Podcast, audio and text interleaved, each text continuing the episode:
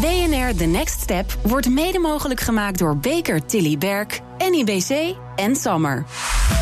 BNR Nieuwsradio. BNR Next Step. Maarten Bouwhuis. Hoeveel geld heb je nodig om te groeien en hoe financier je die volgende fase? Dat is het dilemma van Bart Mulder van autodeelplatform Clickwheels. Hij schuift aan bij zijn bijzondere businesscoach Dr. Vishnu van Zanten. Dokter Van Zanten, Zeg maar gewoon Vishnu. ik zit echt met een dilemma. We moeten toch externe financiers hebben. eh, om om verder te groeien dan 50 miljoen euro omzet. Maar om nou weer mijn pa te gaan vragen... Stop. Stop met denken. Start met imagineren. En laat het geld naar je toe komen. Welkom bij BNR The Next Step, het programma over groeiende bedrijven met echte dilemma's. Bart Mulder van Clickwheels en zijn dokter van Zanten zijn onze BNR-personages die in The Next Step elke week een nieuw dilemma neerleggen. BNR-redacteur Rut van der Vlucht dook in de financiële geschiedenis van deze scale-up. Noem het overtuigingskracht, echte vriendschap of puur ondernemerschap. Bart Mulder van Clickwheels schroomde niet om zijn vrienden en familie te vragen in zijn bedrijf te investeren. In nog geen zes maanden tijd haalde hij dan ook 300.000 euro op. Genoeg om binnen no time een gebruikersgroep van zeker 30.000 gebruikers aan te trekken. Bart Mulder en zijn Clickwheels waren op dreef en dus haalde hij, samen met zijn compagnon, nog eens 3 miljoen euro op bij een venture capitalist. Nu ook het traditionele GoDrive een minderheidsbelang in Clickwheels heeft, groeit het bedrijf gestaag door. Hella Huuk, jij bent financieel journalist en mijn vaste gast in dit programma. Bart Mulder van eh, Clickwheels vraagt zich af hoe hij die volgende fase kan financieren. Eh, is dat een veel voorkomend dilemma? Bedrijven die eh, goed die toegang tot groeikapitaal weten te vinden de- voor die volgende fase nadrukkelijk? Ja, het is nog steeds heel lastig in Nederland. Het gaat wel wat beter, maar het is gewoon nog steeds heel erg moeilijk. Eén ding is eigenlijk, één ding weet je zeker: die bank die kan je overslaan. Daar krijg je het niet. Daar, nee, dat scheelt je weer een, een ochtendje een afspraak en, een, eh, en weer een eh, kopje koffie. Maar je hebt regionale ontwikkelingsmaatschappijen, je hebt de Europese fondsen, je hebt private equity, je hebt business angels. eh, nou ja, de crowdfunding nog via familie, vrienden en dan nog wat breder. Er is heel veel Er mogelijk. maar je moet, je moet echt opletten met wie in zee gaat. Juist, om dit eh, dilemma beter te begrijpen, zoomen we in op twee bedrijven, Bloemon en Zelfstroom. Wat weten we over die bedrijven die vandaag bij ons te gast zijn? Nou, Bloemon ehm, ehm, is een. Ja, ik vind het eigenlijk een, een, een heel goed idee. Omdat je dat is echt zo'n idee waar- waarvan je denkt. Waarom hadden we dat nog niet? Het is een abonnement op bloemen, verse bloemen. Dus die komen, worden één keer per week eh, bij je thuis bezorgd. Of tenminste, ja, zo vaak je wil. Ehm, Als dan Bloemon vraagt, het liefst één keer ja, per week. ik zit helemaal in de doelgroep. Want eh, dat- al die drukke werkende vrouwen. En dan en sta je bij de Albert Heijn. En dan waar moet dat bosje bloemen nog eh, in? En überhaupt zijn daar wanstaltige bloemen. Dus ze besteden ook heel veel aandacht dat het er mooi uitziet. Dus dat is Bloemon. En Zelfstroom is ehm, ja, eigenlijk, eigenlijk een, een, een ideeel bedrijf. Misschien een, een, een social enterprise, zoals dat dan tegenwoordig heet. Ze doen in zonnepanelen. Die installeren ze, maar die financieren ze ook voor. Dus voor de consument die denkt, jongens, eh, 5000 euro vind ik toch wel een heel bedrag. Dan pakken zij ook al een stukje voorfinanciering om er echt voor te zorgen dat die energietransitie sneller gaat. Ja, nou laten we de hoofdrolspelers er zelf maar naar vragen. Patrick Hurenkamp, oprichter van Bloemon. En Bram Leijten, oprichter van Zelfstroom. Eh, B- Bram, ehm, je zei je baan op bij auto-importeur PON... om uiteindelijk Zelfstroom te beginnen. Was het moeilijk om dat startkapitaal te vinden? Zeker als je een bedrijf hebt wat dus voorfinanciert. Ehm, eh, eh, ja, eh, dat, dat was, eh, was redelijk lastig. Het begint natuurlijk bij een, bij een idee en een businessplan. Ehm, uiteindelijk aan een aantal business angels het idee voorgelegd. En ehm, verrassend genoeg werd er dan toch vrij snel eh, ja gezegd tegen dat idee. En ja, dat idee is in de eerste fase niet meer dan een, een PowerPoint en een, eh, een goed verhaal. Ehm, en, en zo starten we met een zeer bescheiden startkapitaal om ja, de eerste eh, eh, transactie te doen en te kijken of we hier klanten voor konden vinden. Ja, dat is dan gelukt. Een van die eerste mede-investeringen was Lars Spannenburg. Laten we even luisteren waarom hij in wilde stappen toen. Ja, wat ik eh, het interessantst vond is dat het voordeel voor de klant meteen duidelijk is. Eh, veel start-ups, scale-ups hebben nogal moeite om het voordeel voor de klant duidelijk te maken. En bij Zelfstroom is dat meteen duidelijk. Je betaalt bedrag A. Als je met Zelfstroom, eh, eh, als je bij Zelfstroom klant wordt, dan betaal je bedrag B. En het voordeel is meteen duidelijk. En dat is, dat is een van de eerste dingen die mij aansprak. Dus de simpelheid van het businessmodel laat hem instappen. Was dat ook de reden dat de andere investeerders instappen? Ja, uh, het is uh, niet alleen het maatschappelijk rendement, uh, maar ook gewoon de attractiviteit en de helderheid van, van ons aanbod. En ja, het, het, zonder investeren, zonder panelen op je dak en meteen voordeel genieten, dat wil iedereen. Ja, Patrick Hurekamp van Bloemon, was het voor jou moeilijk om die eerste grote investeerder te laten instappen? En nou, we hebben dat wel in stappen gedaan. Dus we zijn eigenlijk begonnen uh, door eerst een stukje zelf te financieren. Dus al het spaargeld erin, auto verkocht, kleiner gaan wonen. Maar dan hebben we het over 10, 20.000 euro. Ja, dan weet je dat wat je bij elkaar kunt schrapen. Die orde grootte waren met z'n drieën, dus dat scheelt dan weer. 50.000 euro precies, bij elkaar. Precies. En uh, toen hebben we eigenlijk met vrienden en familie een soort pilot opgezet. Hè. Dus dan zijn we ons idee gaan uitvoeren. Bloemen zelf gaan bezorgen aan huis. En kijken, oké, okay, hoe reageren mensen erop? Nou, toen kregen we daar hele positieve reacties op. En toen zagen we ook de eerste mensen bij ons aankloppen die we niet zelf kenden. Dus we dachten van nou, we hebben in ieder geval klanten nu van buiten. En toen zijn we ook in gesprek gegaan met een aantal angel investeerders die we kennen via ons vorige werk uh, en uit onze eigen omgeving. Ja, en een van die investeerders is Rolf Bixner. Hierover uh, en de investering in Bloemon zei het volgende. De voornaamste trigger was de kwaliteit van de founders en het hele goed uitgewerkte zeg maar, pitch deck, de idee. En het tweede dat de essentie van Bloemon is uh, dat de markt voor uh, eigenlijk echt gedisrupt kan worden. En daar eigenlijk een mooi langetermijn merk opgebouwd kan worden. Die propositie vond ik heel aantrekkelijk. Ja, dat is iets wat Hella eigenlijk nog niet eens uh, noemde. Want je had het over de abonnementsvorm. Maar het is een disruptive model wat jullie hebben. Want jullie halen de bloemen direct bij de kweker. Ja. En levert het bij mij thuis. Ze zijn super vers. Waardoor je ze dus ook maar elke twee weken bezorgt. Niet elke week. Okay. Uh, want ze staan veel langer. Juist. Ja. En dus kun je gewoon het, het hele platformmodel van de veiling eruit snijden. Precies. Vrij Juist. lange keten. Um, Rolf krijgt de rest van zijn leven onbeperkt bloemen? Nee, nee, hij moet er gewoon voor betalen. En dat is, dat is het leuke. Ook die vrienden en familie uit, de eerste, uit die eerste groep... die hebben er ook echt voor betaald. Omdat we wel wilden weten dat we echt goed bezig waren. En niet uh, dat we zeg maar uit compassie... Dat je bloemen uh, aan het weggeven was. Het, uh, precies. Ja. Juist. Um, naast de investering deden jullie ook een beroep op vrienden en familie. Zei al even. Ja. In totaal hebben jullie daarmee 700.000 euro opgehaald. Uh, ja, moet ik het dan zo zien dat je kijkt in je familie wie de rijke oom is? Hoe gaat dat? Een beetje wel. Uh, dus uh, een rijke oom zou kunnen, maar ook iemand die het echt wel wil missen. Die ook bereid is om te investeren en het risico te nemen. Dus je wil niet een, een, een tante of een oom hebben die je bij iedere verjaardag gaat vragen van hoe staat het met mijn geld en komt dan wel een keer terug. dus je moet wel denk ik kijken naar mensen die daar met een beetje afstand um, zeg maar geld in willen steken. Ja, maar dat is boeiend. Want als er iemand zegt, nou ik wil er best een ton insteken... was in die fase voor jullie heel veel geld. Ja. En daarna zei maar ik ga me wel redelijk hard bemoeien. Heb je toch geen nee gezegd tegen die ton? Um, nou ja, wij, uiteindelijk hadden wij vrij snel de luxe dat we een aantal mensen vonden die wilden investeren, maar die ook ons de ruimte wil, wilden geven om het echt op te bouwen in een paar jaar en niet in een paar maanden. Ja, en hoe knoop je dan zo'n gesprek aan met een, met een familielid? Um, ja, Nodig door... je jezelf uit voor koffie? Of doe je het een beetje zijdelings? Of bel je hem op? Hoe gaat zoiets? Nou, we hebben dat dus sowieso wel met z'n drieën gedaan. Dus niet alleen maar een soort van vanuit de relatie, vanuit de familierelatie dat te doen. Maar we hebben gewoon met z'n drieën uh, gesprekken gevoerd met een uh, aantal oud-werkgevers. Dus Bart en ik hadden ooit bij BCG gewerkt. Daar kennen we nog een aantal partners van. Rolf was daar dus één van. En die hebben we gewoon uh, letterlijk opgebeld en gevraagd. Gewoon, mogen we dit eens aan je vertellen? En geloof hierin? Ja. En dat is ook iemand die denk ik verstand heeft van bedrijven. Dus, dus gelijk ook een goede feedback die je dan krijgt. Ja, ik denk, ja, ik denk dat, dat crowdfunding is natuurlijk een prachtig middel om geld op te halen. Maar het zegt nog niet per se iets over je duurzame businessmodel voor de langere termijn. Het zijn ja, inderdaad dit, vaak dit... mensen die er vanuit de emotie instappen. Ja. Misschien ken je nog wel die Pebble Watch. Dat was dan dus nieuwe hippe smartwatch. Daar hebben mensen 12 miljoen ingestopt. En uiteindelijk uh, bleek dat ding helemaal niet, uh, helemaal niet te werken. Maar het grappige is, bij, bij Bloemon gaat het uh, heel... Dat zou ik niet een crowd willen noemen. Dat gaat heel persoonlijk. Dus we benaderen een oom en een tante. Ja, dat is nog de, aller, de allereerste fase. Maar, dat, maar, als je dus daarna groter wil. Ja. En, dat, en dat heeft zonnepanelen heeft dat natuurlijk ook. Hè, dat kunnen we als consument Precies. kunnen we ons dan nog allemaal wel voorstellen. Maar stel je doet uh, artificial intelligence. Je hebt, een, uh, je hebt software ontworpen die uh, onderhoud kan voorspellen bij treinen en bij vliegtuigen of zo. Hè. Dat is echt een business to business. Maar dat wordt zeker een goede markt. Ja, dan gaat iemand op een crowdfunding platform. Denkt ja. iedereen, oh, dat snap ik niet. Terwijl dat een heel mooi businessmodel kan ja. zijn. Maar Bram Leijten van Zelfsvam. Um, bij jou konden de vrienden en de familie gewoon in de rij staan. Want jullie zijn crowdfunding gaan doen. Doen.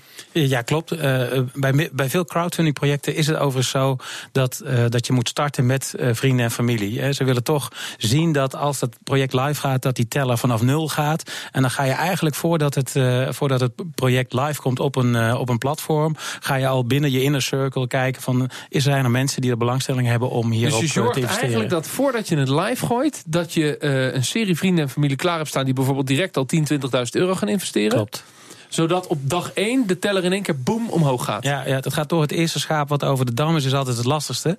En, uh, en op het moment dat mensen zien, hé, hey, er zit tractie op, op dit project, dan, dan helpt dat. Ja, en uiteindelijk haal je dan uh, op één dag 2 miljoen binnen in 2016. Ja, nou dat is een andere fase van het bedrijf geweest. Overigens zijn er verschillende soorten crowdfunding. Hè. Zeker in die eerste fase dan heb je het vaak over risicokapitaal, heb je het over equity. Uh, dat is veel lastiger. Uh, de crowdfunding die wij hebben gedaan, die 2 miljoen waar je het over hebt, ja, dan heb je het over een obligatielening waar gewoon een vaste rente en looptijd tegenover staat. En dat een heel laag risicoprofiel. Straks praten we verder over de financiering van de Next Step. En ga ik zelf op zoek naar een investeerder onder mijn vriendengroep. Tot zo. BNR Nieuwsradio. Hoeveel geld heb je nodig om te groeien en hoe financier je die volgende fase? Daarover praat ik in de studio met uh, mijn vaste gast in dit programma, financieel journalist, uh, journalist Hella Huuk. En onze gasten van vandaag, Patrick Hurekamp van Bloemon en Bram Leijten, oprichter van Zelfstroom. Ja, jullie hebben grote ambities met die bedrijven, wil ik uh, zo over doorpraten. Eerder hebben jullie geld opgehaald bij vrienden, hadden we het voor de reclame al over. Kun je niet bij diezelfde inner circle, Bram, waar je over sprak, die zo belangrijk is, die vrienden en de familie, ook weer terecht voor een soort van opstapje voor de volgende fase, nu je als scale-up echt harder door wil groeien? Um, nee, ik denk, ik denk van niet. Um, uh, kijk, de, de branche waarin we zitten is uh, zeer kapitaalsintensief. En uh, de komende jaren hebben we echt tientallen miljoenen euro's nodig. En dat wil ik mijn, mijn netwerk niet aandoen. Nee, en, en hoe geldt dat voor jullie eigenlijk, Patrick? Um, ja, bij ons is, is dat wel gebeurd. Dus bij ons hebben de angels ook doorgeïnvesteerd. Ik denk dat het een heel mooi signaal is als dat kan. Hè. Dus niet iedereen heeft dat kapitaal. Maar als ze natuurlijk die stap kunnen maken, is dat natuurlijk ook een heel groot blijk van vertrouwen naar nieuwe investeerders. Juist, nou ja, en hoe dat er dan bij jullie allebei uitziet om die volgende fase te financieren, daar praten we uh, over door. Uh, ik ben wel benieuwd hoe ik het er eigenlijk vanaf zou brengen. Eerder vandaag uh, stuurde ik onze business case van het PNR-bedrijfje Clickwheels naar mijn goede vriend Robert Schultze. En ik ben eigenlijk wel benieuwd hoe hij er inmiddels tegenaan kijkt, wat hij gelezen heeft. We gaan hem even bellen. Kijken of dat. Ja, kijk eens, ja. Hey Maarten. Hey Robert. Um, even, jij bent partner bij de Growth Factory. Je, je, je helpt zelf ondernemers en je, en je, investeert. Daar ben je al lang mee bezig. Um, ik heb jou die casus van Clickwheels gestuurd. Um, ja, wat vind je ervan en, en zou je uh, mee willen doen? Zou je in kunnen stappen? Ik heb, uh, ik heb drie vraagjes voor je, Maarten. Vertel. Vind jij het winnaars, jongens? Dat, dat, dat wil ik van jou weten. Vind jij het winnaars? Nou ja, ze draaien al 50 miljoen omzet. Ze zijn lekker bezig. We willen nu die ja. volgende fase in. Is dat een definitie van winnaar zijn of ben je ja, dan nog ja, niet? Ja, ja, vind ik wel. Hey, en hoeveel invloed kunnen wij hebben, denk je, op dit verhaal? Uh, ja, dat hangt een beetje van de investering af. Zou mijn onderbuikgevoel zijn. Ja, dat zal ze ja, nog meedoen. Ja. Oké, okay. prognose is positief. Wat voor invloed wil je dan hebben eigenlijk? Ja, ik ben ondernemer. Ik wil altijd graag een stukje meepraten. Op de zijlijn zitten, dat uh, vind ik al lastig. Ja, ja, precies. Maar betekent dat dat je maandelijks aan tafel wil zitten? Of, of hangt dat er ook weer vanaf hoeveel je dan investeert? Uh, laten, we het, laten we het met de jongens bespreken. Afhankelijk van hoeveel wij inbrengen, denk ik dat het reëel is om wel met, uh, met ze een beetje mee te praten. Ja. Uh, als het nou een bevriend bedrijf is, heb jij zelf in het verleden vaker bij vrienden geïnvesteerd?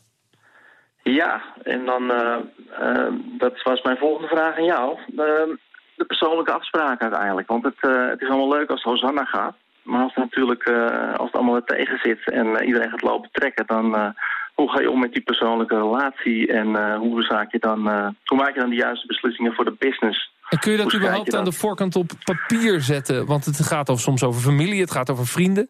Persoonlijke afspraken maken. Ga je nog met elkaar tennissen op het moment dat het misgaat in de business? Met je lening? Je kan een heleboel regelen, maar daar kun je het niet allemaal overzien. Ik denk dat je sommige dingen kunt, uh, kunt voor zijn, maar uh, niet alles, dat is correct. Ja. Nee. Is bij jou wel eens misgegaan met investeren in vrienden?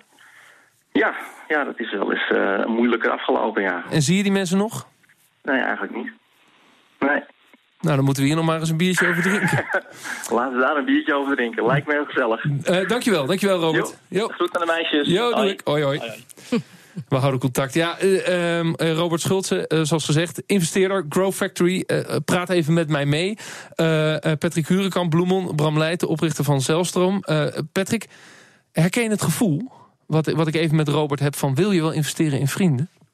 Ja, dat herken ik wel. Daar zou ik ook heel erg mee oppassen. Als je echt goede vrienden bent en je komt elke dag bij elkaar over de vloer... of zeg maar elke week, dan zou ik daar wel mee oppassen. Dus ik denk dat dat, dat het wel belangrijk is dat je mensen vindt die een beetje afstand hebben tot jezelf. Uh, maar ik, voor mijn gevoel, we hebben het heel veel over die, eh, die eerste fase van ja. uh, Angels. Ja, we gaan het zo hebben over de tweede ja, fase. Zeggen, want dat is, die is veel lastiger namelijk. De next step. Die is veel moeilijker. Ja, precies. jullie hebben met Bloeman onlangs het miljoenste boeket bezorgd. Die zijn actief in, in vijf landen. Wat zijn eigenlijk de goede ambities in de next step?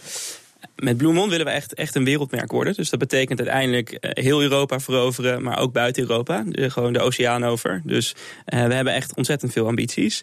Um, alleen als je het hebt over investeringen, kijk je natuurlijk wel iets korter vooruit. Vaak een paar jaar in deze fase. En dat is voor ons vooral investeren in ons tech-platform. Dus zorgen dat we het voor klanten heel makkelijk maken. Pushberichtjes sturen wanneer je water moet verversen voor die bos.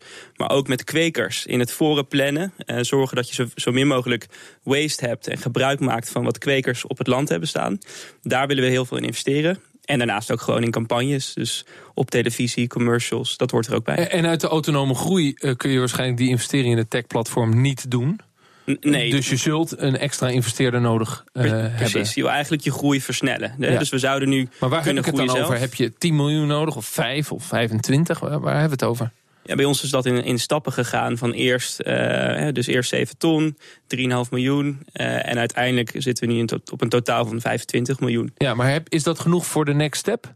Heb jij dus nu eigenlijk die financiering al binnen voor die fase? Of zeg je, ik ja. heb nog meer investering nodig? Nou ja, dat is, dat is een afweging die je dan weer maakt. Dat is nu een beetje vroeg. Maar ik denk dat we nog wel eens een keer weer een investering nodig zouden kunnen hebben. Ja, dat is een luxe positie voor Bloemon Hella. Ja, maar ik ben wel benieuwd, want uiteindelijk, um, dat, dat is natuurlijk op een gegeven moment het dilemma voor die tweede ronde ook. Van ja, kan ik het uit autonome groei gaan halen? Uh, of, of heb ik toch weer een financiering? Maar het kost je ook weer, ja. het kost je ook weer aandelen. Tuurlijk, je zou ook weer ja. moeten verwateren. Dat is natuurlijk het grote dilemma. Dus als je het zelf kan doen, dan heeft Bloemon inderdaad echt grote ambities. Dus ik denk dat daar toch een keer wat bij moet. Want uh, ja, je moet dus ook uh, die, kneker, die kwekers gaan vinden in China. En uh, de site moet naar het Chinees. En je moet een beetje gaan marktonderzoek gaan doen. Hoe kopen die Chinezen nou bloemen? Want wij Nederlanders kopen bij het minste of geringste een bosje tulpen. Dat zal in andere landen. Ja. Is er ook een hele andere bloemencultuur. Precies, de vraag is of je, of je er bent met investeren in je tech-platform. Of dat er nog geld nodig is voor andere activiteiten die je nu nog niet overziet. Als je een wereldmerk wil worden. Tuurlijk. Nee, elke keer kom je weer tegen, loop je tegen nieuwe dingen aan. Maar tech-platform is duidelijk. En ook gewoon naamsbekendheid creëren in markten. Ja, dat kost gewoon geld. Zeker als je een consumentenmerk wil worden. Dat is niet makkelijk. Conclusie, als wij over twee dit gesprek voeren... dan blijkt dat die 25 miljoen niet genoeg was. Zou ook goed kunnen. Ja. Um, ja, Bram, jullie hebben grootste plannen. 2020 wil Zelfstroom voor 150 miljoen euro aan zonnepanelen hebben geïnstalleerd... bij ongeveer 50.000 particulieren. Is dat de juiste samenvatting? Uh, dat is de juiste samenvatting, ja. ja. Hoeveel zonnepanelen liggen er nu op Nederlandse huizen? Um, ongeveer 10% van de Nederlandse de, uh, daken uh, zijn belegd met zonnepanelen. Ja, ja, maar niet van jullie? Nee, helaas niet. Nee, nee precies. um, ik begrijp dat jullie nu ongeveer voor 15 miljoen aan zonnepanelen hebben liggen. Ja, dus, dus een tiende van de ambitie. Ja. En die ambitie is al over drie jaar. Ja, correct. Hoe ga je dat financieren? Uh, nou, vooral met, uh, met hulp van bank. Een klein beetje crowdfunding nog.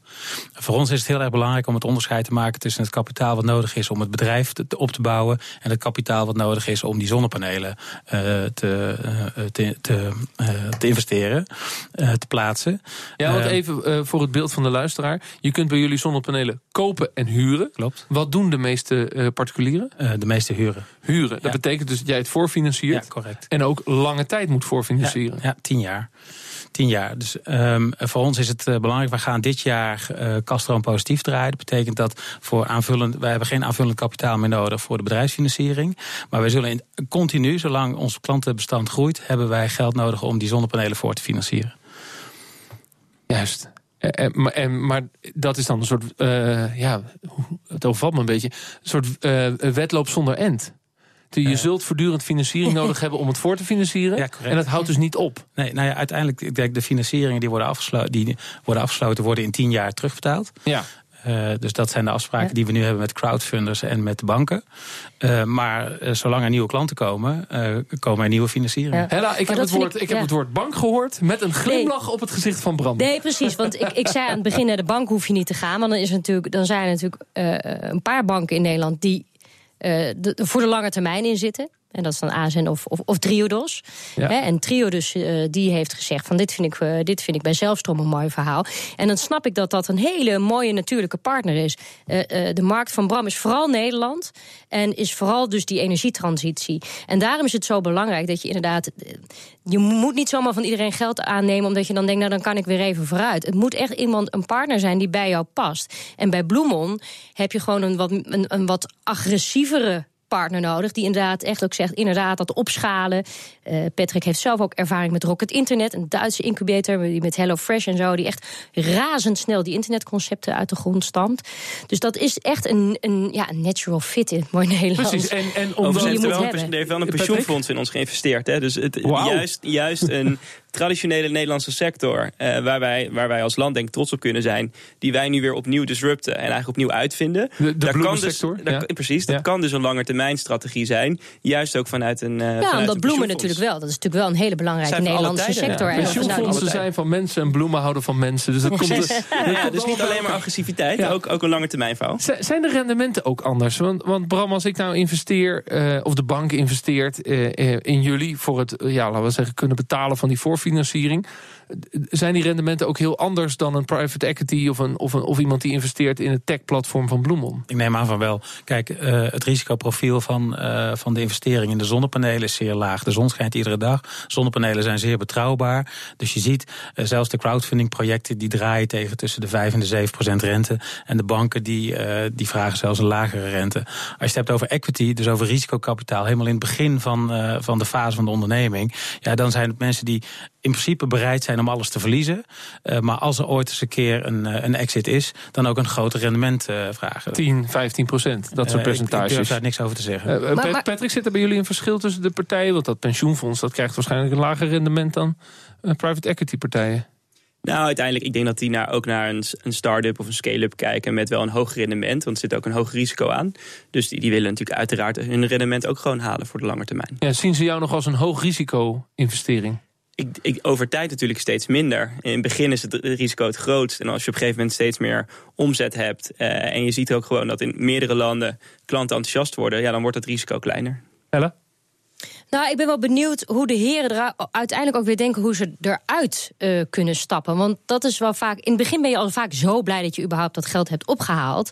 Maar als je zo ook een langere termijn uh, strategie hebt. Dan hoe is het de ook ondernemers van, eruit zouden ja, willen stappen. Ja, als je, je over 10 of 15 jaar ja. Denkt van nou ja, het moet ook mijn pensioen zijn. Ja. Of ik wil er uiteindelijk ook. Uh, nu heb ik geen salaris, maar dadelijk wel. Want dat is heel belangrijk, namelijk welke financiers je in je clubje ja, hebt. Amerikaanse start-up ondernemers die gaan er allemaal met een exit-strategie in, zullen we maar zeggen. Hè? De, nou ja, dat, dat, is, jou, dat is. Nee, ik ga er voor de lange termijn in.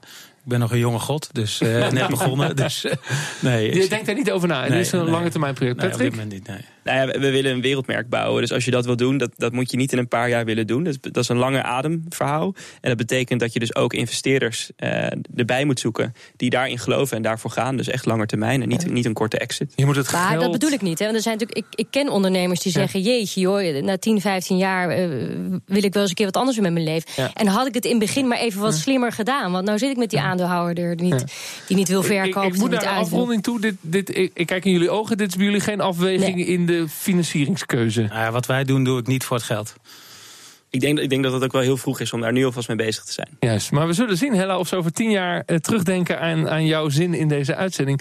Uh, ik dank jou, uh, Hella Huuk. We, we, zullen ook zien hoe het verder gaat met Bart Mulder en Clickwheels. Je moet het geld naar je toe laten stromen, onthoud dat. We zien elkaar volgende week. Patrick Kurenkamp van Bloemon en Bram Leijten, oprichter van Zelfstroom. Dank voor jullie bijdrage aan The Next Step. Volgende week belichten we opnieuw een dilemma van Clickwheels oprichter Bart Mulder. En dan praten we uiteraard door met echte ondernemers. Benieuwd naar het verhaal achter Clickwheels? Kijk dan op onze site bnr.nl slash The Next Step. Of luister natuurlijk via de BNR-app, iTunes en Spotify. Bedankt voor het luisteren. Dag! BNR The Next Step wordt mede mogelijk gemaakt door Baker Tilly Berk, NIBC en Sammer.